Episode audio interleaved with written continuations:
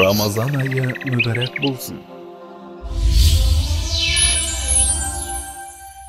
بسم الله الرحمن الرحيم الحمد لله رب العالمين والصلاة والسلام على رسولنا محمد وعلى آله وصحبه أجمعين السلام عليكم ардақты тыңдармандар құрметті көрермендер біз сіздермен бүгін құдай қаласа тарауых намазында бірнеше сүрелерді тыңдайтын боламыз алла тағала ең әуелі қылған құлшылықтарыңызды жасаған дұға тілектеріңізді қабыл етсін тарауых намазында имамдарымыздан қариларымыздан тыңдайтын ең алғашқы сүре ахқаф сүресі.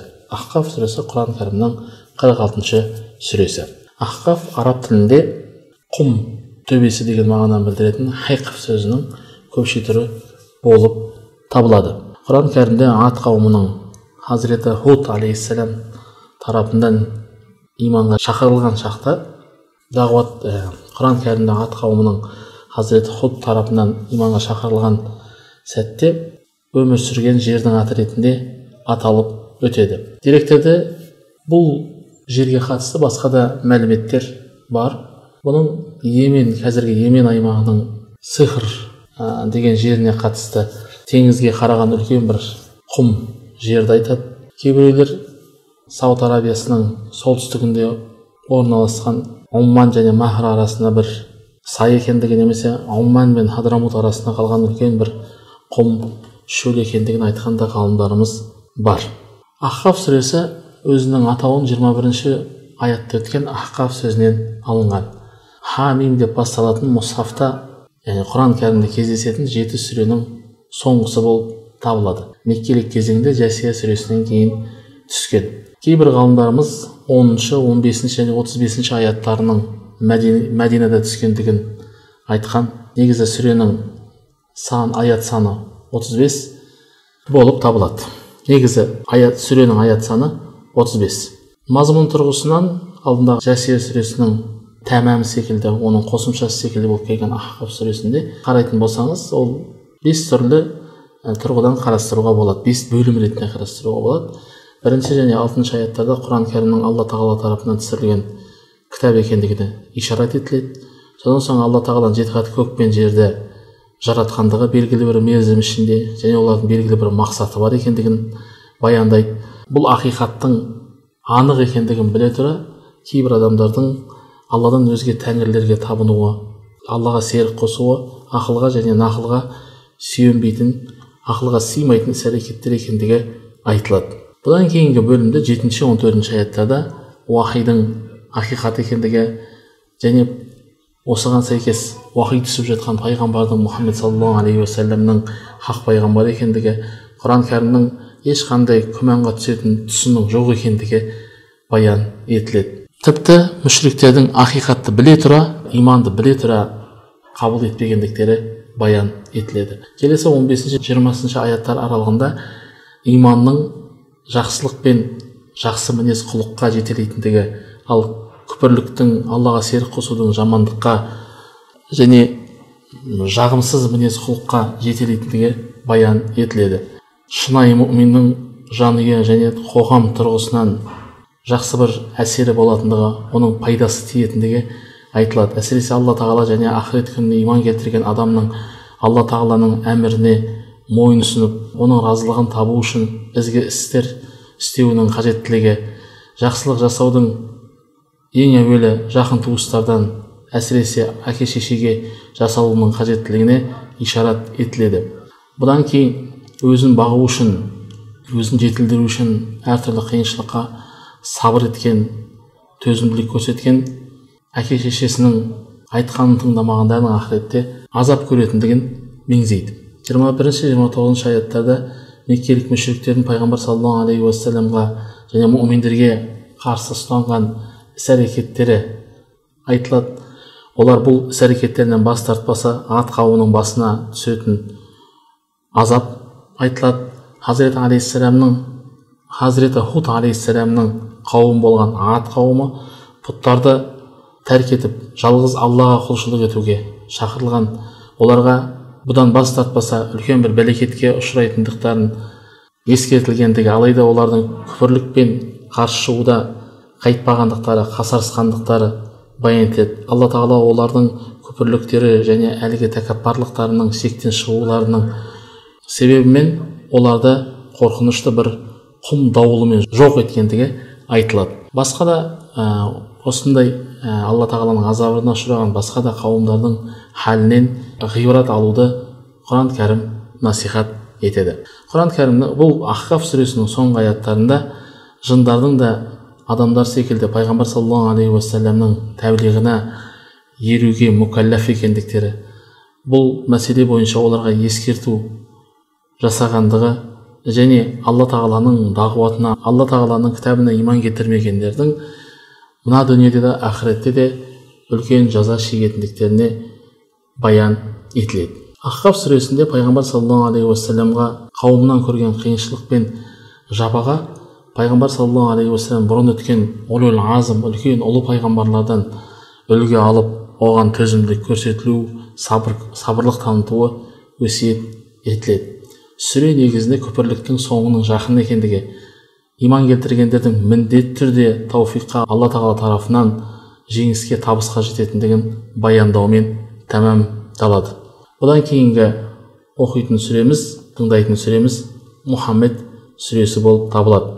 Сүре өзінің атауын екінші аятта өткен пайғамбар саллаллаху алейхи уассаламның есімінен алған.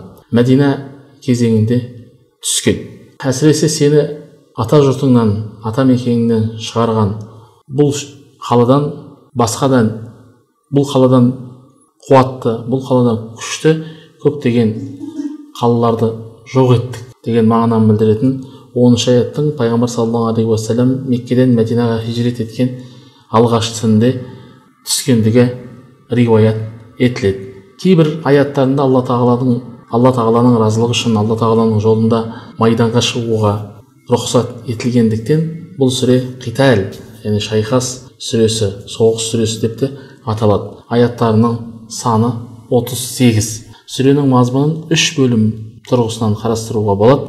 Біріншісі мұсылмандардың қажет болған жағдайда мүшіріктермен соғысуының міндетті түрде болатындығы мұнафықтардың ішкі жан дүниесіне қатысты анализдер мүминдердің мұсылман қоғамын қорғап оны жандандыру үшін жаны мен малын сарп етіп еңбек етуіне шақырады сүре сүренің алғашқы бөлімі күпірлік еткендер мен мүминдердің аллаға иман келтірген құлдардың халдерін баян етумен бастайды. Алла тағалаға күпірлік келтіріп алла жолында кедергі болған алланың кәләмінің таралуына алланың дінінің таралуына қарсы шыққандардың жасаған іс әрекеттерінің бос болатындығы ешқандай пайдасы тимейтіндігі ал мұминдердің материалдық және мағынауи тұрғыдан рухани тұрғыдан жағдайлардың түзелетіндігіне қатысты ишарат бар.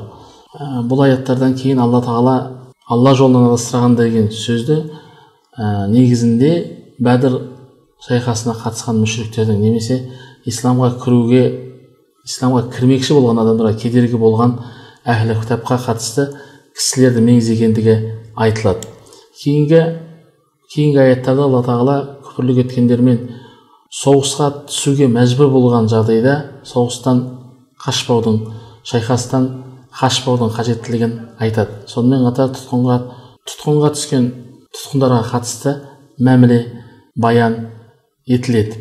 Бұдан кейін пайғамбар саллаллаху алейхи уассаламның меккеден хижрат жасауына қоныс аударуына ә, мәжбүрлегендігі айтылады бұл бұдан бұрынғы түскен пайғамбарларға да жаңа осындай жағдайлардың болғандығы алайда олардың қауымының түгелдей түп тұқиянымен құрдымға кеткендігі баян етіледі сүренің екінші бөлімінде әуелі мұнафықтардың іс әрекеттері пайғамбар саллаллаху алейхи уассалам тәблиғ мәжілісінде ә, шайқас мәселесі сөз қозғалған кезде аяттардың түсу себептеріне байланысты әлеуметтік жағдайдың қиын шақтарында мұнафықтардың көрсеткен іс әрекеттері сөздері анық көрсетілген құран кәрімнің ақиқатына қарсы шыққандардың һәм дүниеде һәм ақыретте зарарға ұшырайтындықтары баян етіледі мұхажирлер мен ансарлардан қалыптасқан шынайы мүминдердің кейбір кезде мәдина шағында өмір сүрген яхудилер мен меккедегі құрайыштардың абыройлы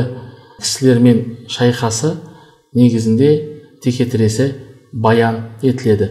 Сондықтан бұл сүренің үшінші бөлімінде ішкі проблемаларға тоқталып өтіп ақиқат пен жалғанның шындық пен өтіріктің текетіресінің баян етіледі. Бұдан кейін шынайы мұсылмандардың басқа түскен қиындыққа сабырлық көрсететіндіктері алла және пайғамбар саллаллаху алейхи уассаламға итағат мәселесінде мойын ұсыну мәселесінде және алла тағала жолында ә, мал тұрғысынан дүние мүлік тұрғысынан қаражат жұмсаулары талап етілген. Әсіресе алла тағалаға және қарсы шығып пайғамбар саллаллаху алейхи уассаламға қарсы шыққандардың дүниеде және ақыретте ешқандай алланы тағаланың рахымын көрмейтіндіктері алла тағаланың кешірімінен махрұм қалатындығы баян етіледі.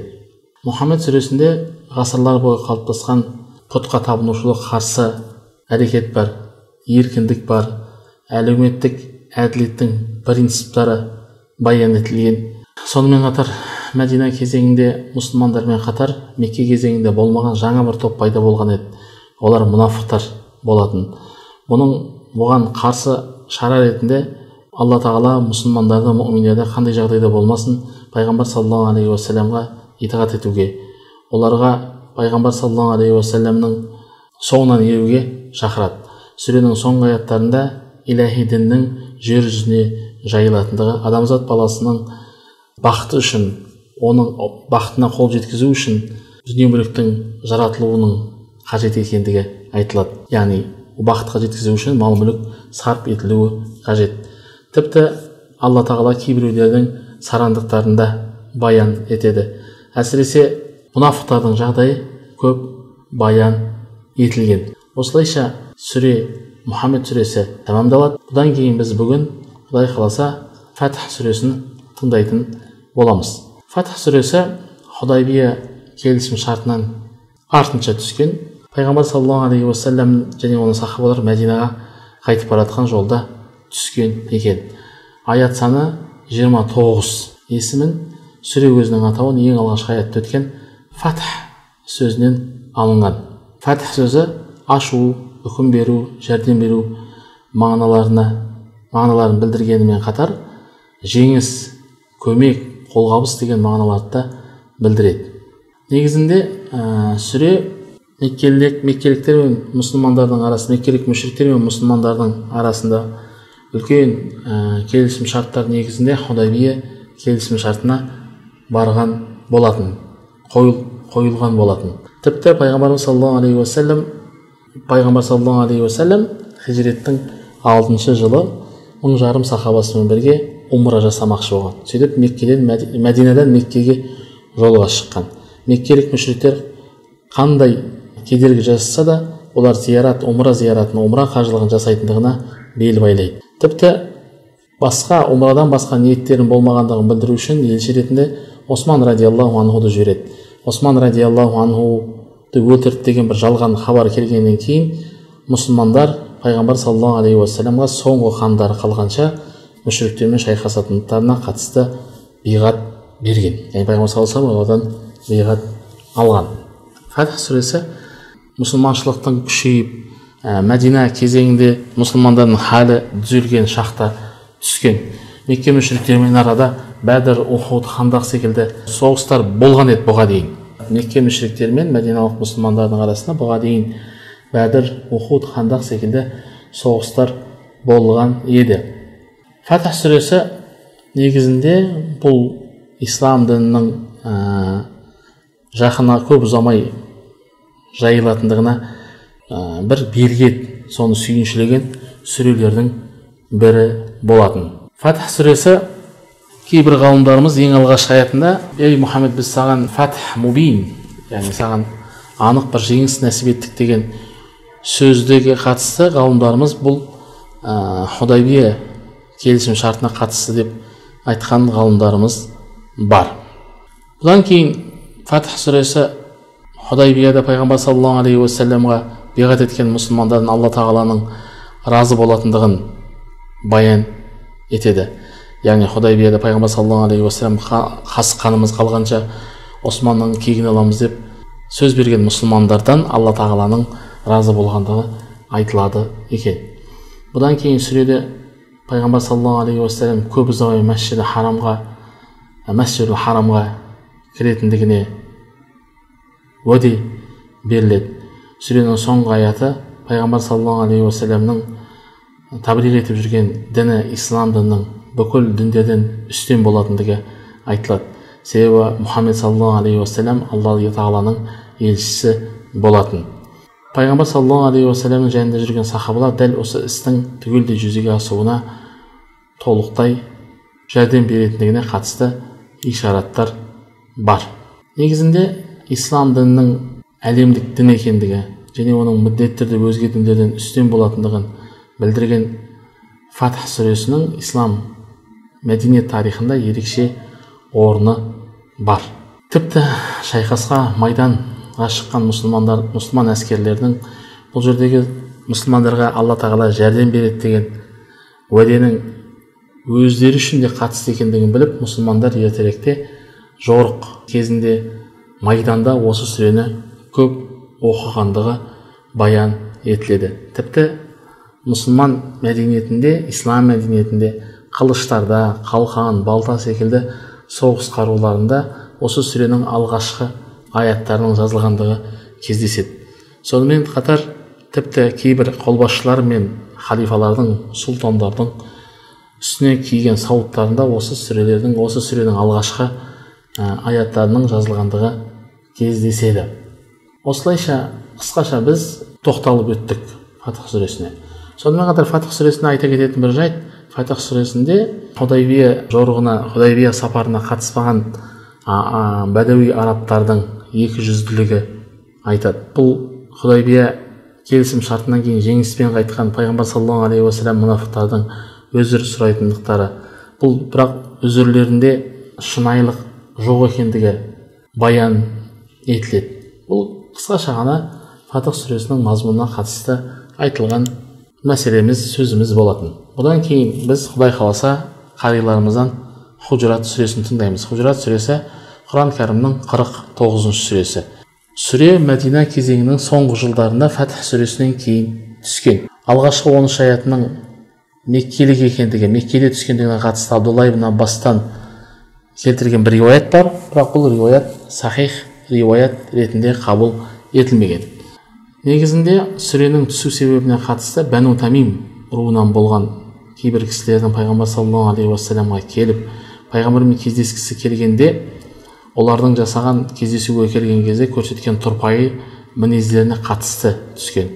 Риуаятқа сүйенсек пайғамбарымыз саллаллаху алейхи уассаламның үйі мешітке жақын болған яғни мешітпен біте байланысты болған. Пайғамбарымыз саллаллаху алейхи уассалам күндіз уақытында демалып жатқанда бұл бәдеулер үйдің сыртынан айқайлап ей мұхаммед тұр біз келдік деп бақырып шақырғанда пайғамбар саллаллаху алейхи уассалам дереу киініп үйінен шыққан оларды дереу мешітке кіргізіп кездесуге шақырған алайда пайғамбарымыз саллаллаху алейхи уассалам олардың тұрпайы мінез құлықтарынан мазасы қашқан аят осыған қатысты түскен деген мағына бар сүре өзінің атауын хужра сөзінің көпшілігі болған хужрат сөзінен алынған негізінде пайғамбар саллаллаху алейхи уассаламның үйі мешітке біте салынған болатын. Пайғамбарымыз саллаллаху алейхи бұл хужурат деп бөлмелер деп меңзелген сол пайғамбар саллаллаху алейхи уассаламның жанұясына қатысты әйелдерінің бөлмелеріне қатысты үйге айтылған. Бұл үйлердің бұл бөлмелердің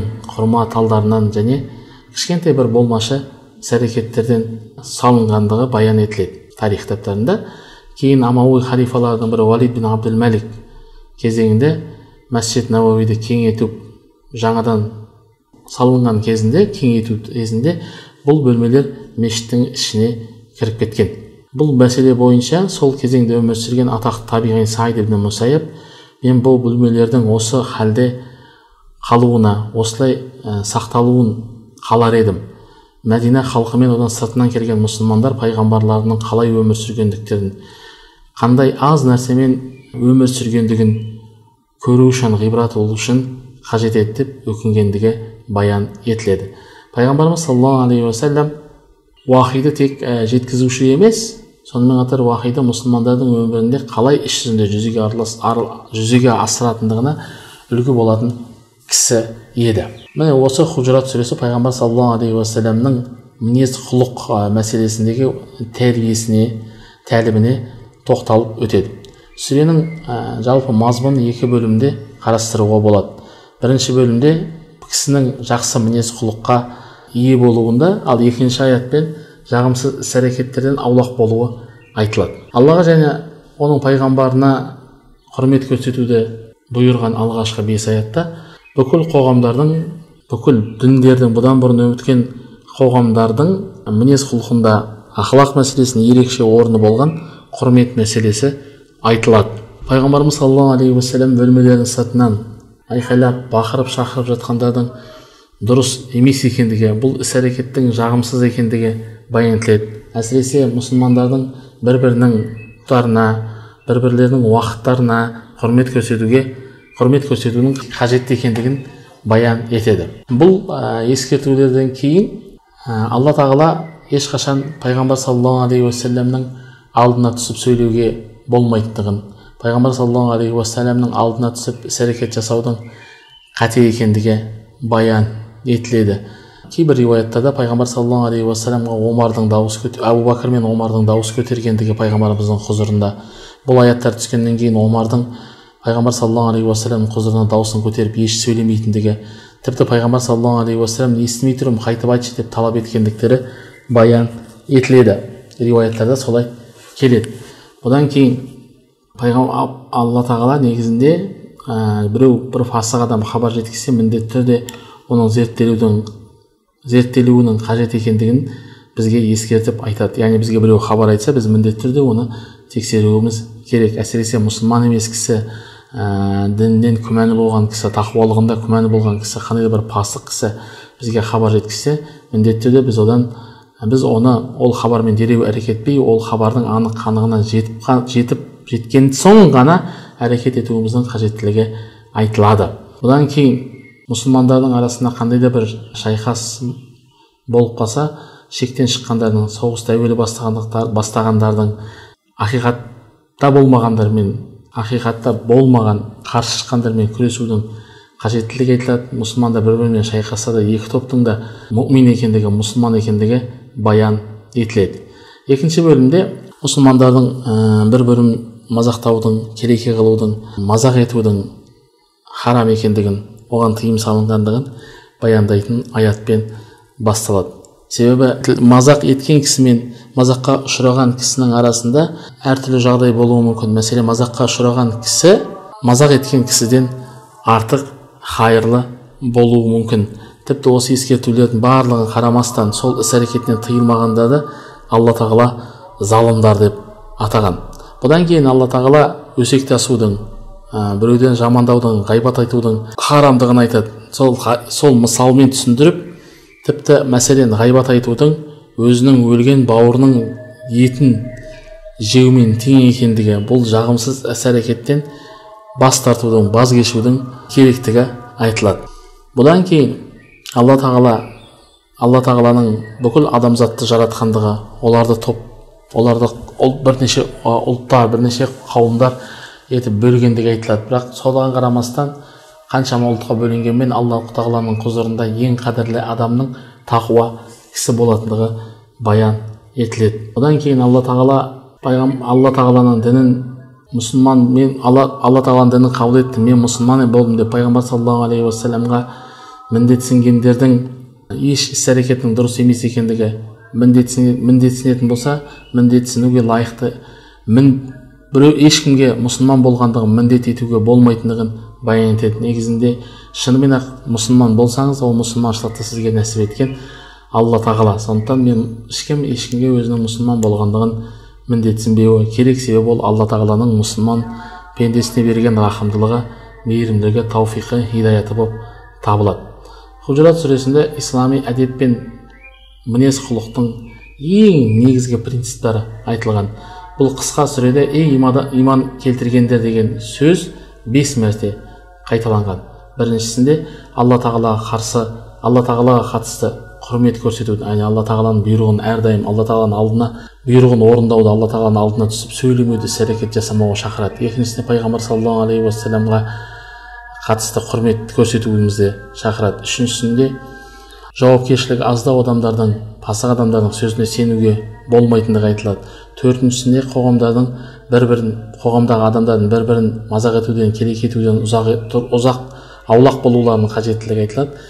Бесіншісінде жаман ойлау мен жаман іс әрекет жасаудың осыған қатысты өсек, өсек айту мен ғайбат айтудың жағымсыздығы айтылады бұдан кейін сүре ей адамдар деп деген сөзбен бастап содан соң оларды түрлі түрлі ұлт қауымдарға руларға бөлгендігі айтылады бұлардың негізі бар болғаны соғысу үшін емес бір бірінен үстемдігін көрсету үшін емес бар болғаны бір бірін тану үшін алла тағала осылай жаратқандығын баян етеді осылайша хужрат сүресі қысқаша тәмамдалады одан кейін біздің имамдарымыздан тыңдайтын сүреміз қаф сүресі болып табылады. Қаф сүресі меккелік кезеңде түскен 45 аяттан тұрады.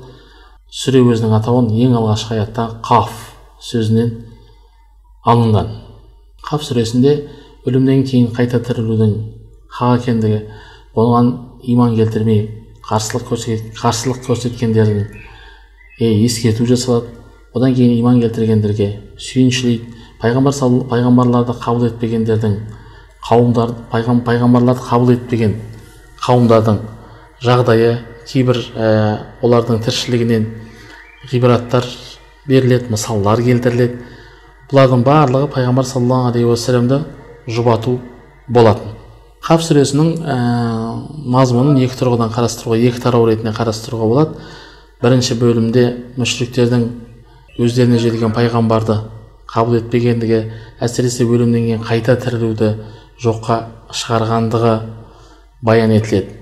Содан кейін барып алла тағаланың құдіретін көрсететін жеті қат көк пен жердің жаратылысы таулар көктен түскен жаңбыр құрма ағаштары бау бақшалар алуан түрлі өсімдіктерге өсімдіктер жайлы айтылады. Осылайша адамдардың бұлардың барлығын жаратылысында хикметті түсінуге оларды ойлануға шақырады. Осы дәлелдер негізге алынғанда адамның өлімнен кейін қайта тірілуінің алла үшін өте бір оңай іс екендігін түсінуге болатындығы баян етіледі. Сонымен қатар осы бөлімде осы тарауда бұрынғы өткен қауымдардың өзінен жіберген пайғамбарлық пайғамбарларды қалай жалғанға шығарғандығы бұл қауымдардың аттары жалпылай аталып жеке жеке тоқталып өтпегенімен негізінде сіз бен бізге меккелік мүшіріктер сол кезеңде өскен сол кезеңде ғұмыр кешкен меккелік мүшіріктерден және біздерге сол қауымдардан ғибрат алуымыздың қажеттілігі айтылады.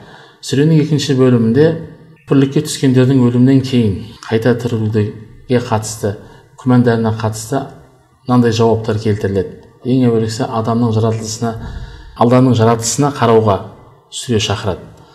Адамды жаратқан күштің құдіреттің адамның ішкі жан дүниесінде жатқан жасырын ойын да сезімін де білетіндігі баян етіледі. Әсіресе ақырет тіршілігіне қатысты мәселелерді тереңінен қозғап адамдарды қорқуға шақырады. Әсіресе бұдан кейін сүре алла тағаладан қорқып тақуалық қылғандардың ақыретте көретін нығметтері жайында сөз қозғалады. Бұдан кейін біз адамға күре тамырынан жақынбыз деген аятта адам баласының ішкі жан дүниесі болсын сыртта жасаған іс әрекеті болсын барлығында үлкен жауапкершілікпен сезінуің қажет екендігін білдіреді бұл аят себебі алла сізге күре тамырынан жақын деген сөз.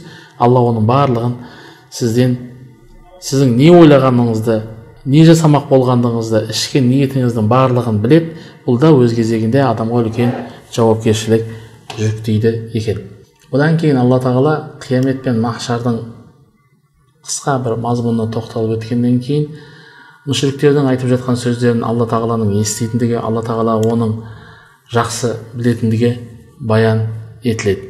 Одан кейін пайғамбар саллаллаху алейхи уассаламға оларды иман келтіруге зорлауға мәжбүрлеуге ешқандай міндеті жоқ екендігі пайғамбар саллаллаху алейхи барлық бар болған міндеті жеткізу екендігі айтылады екен.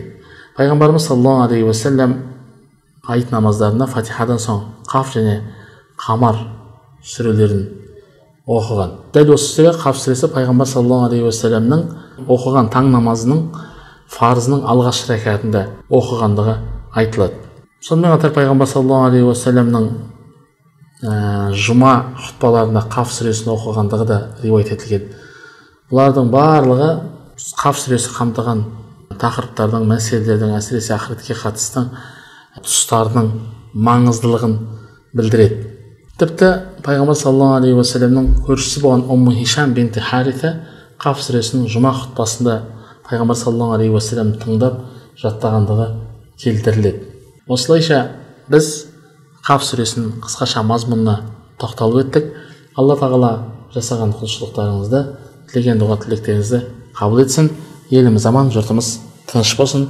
роббил аламин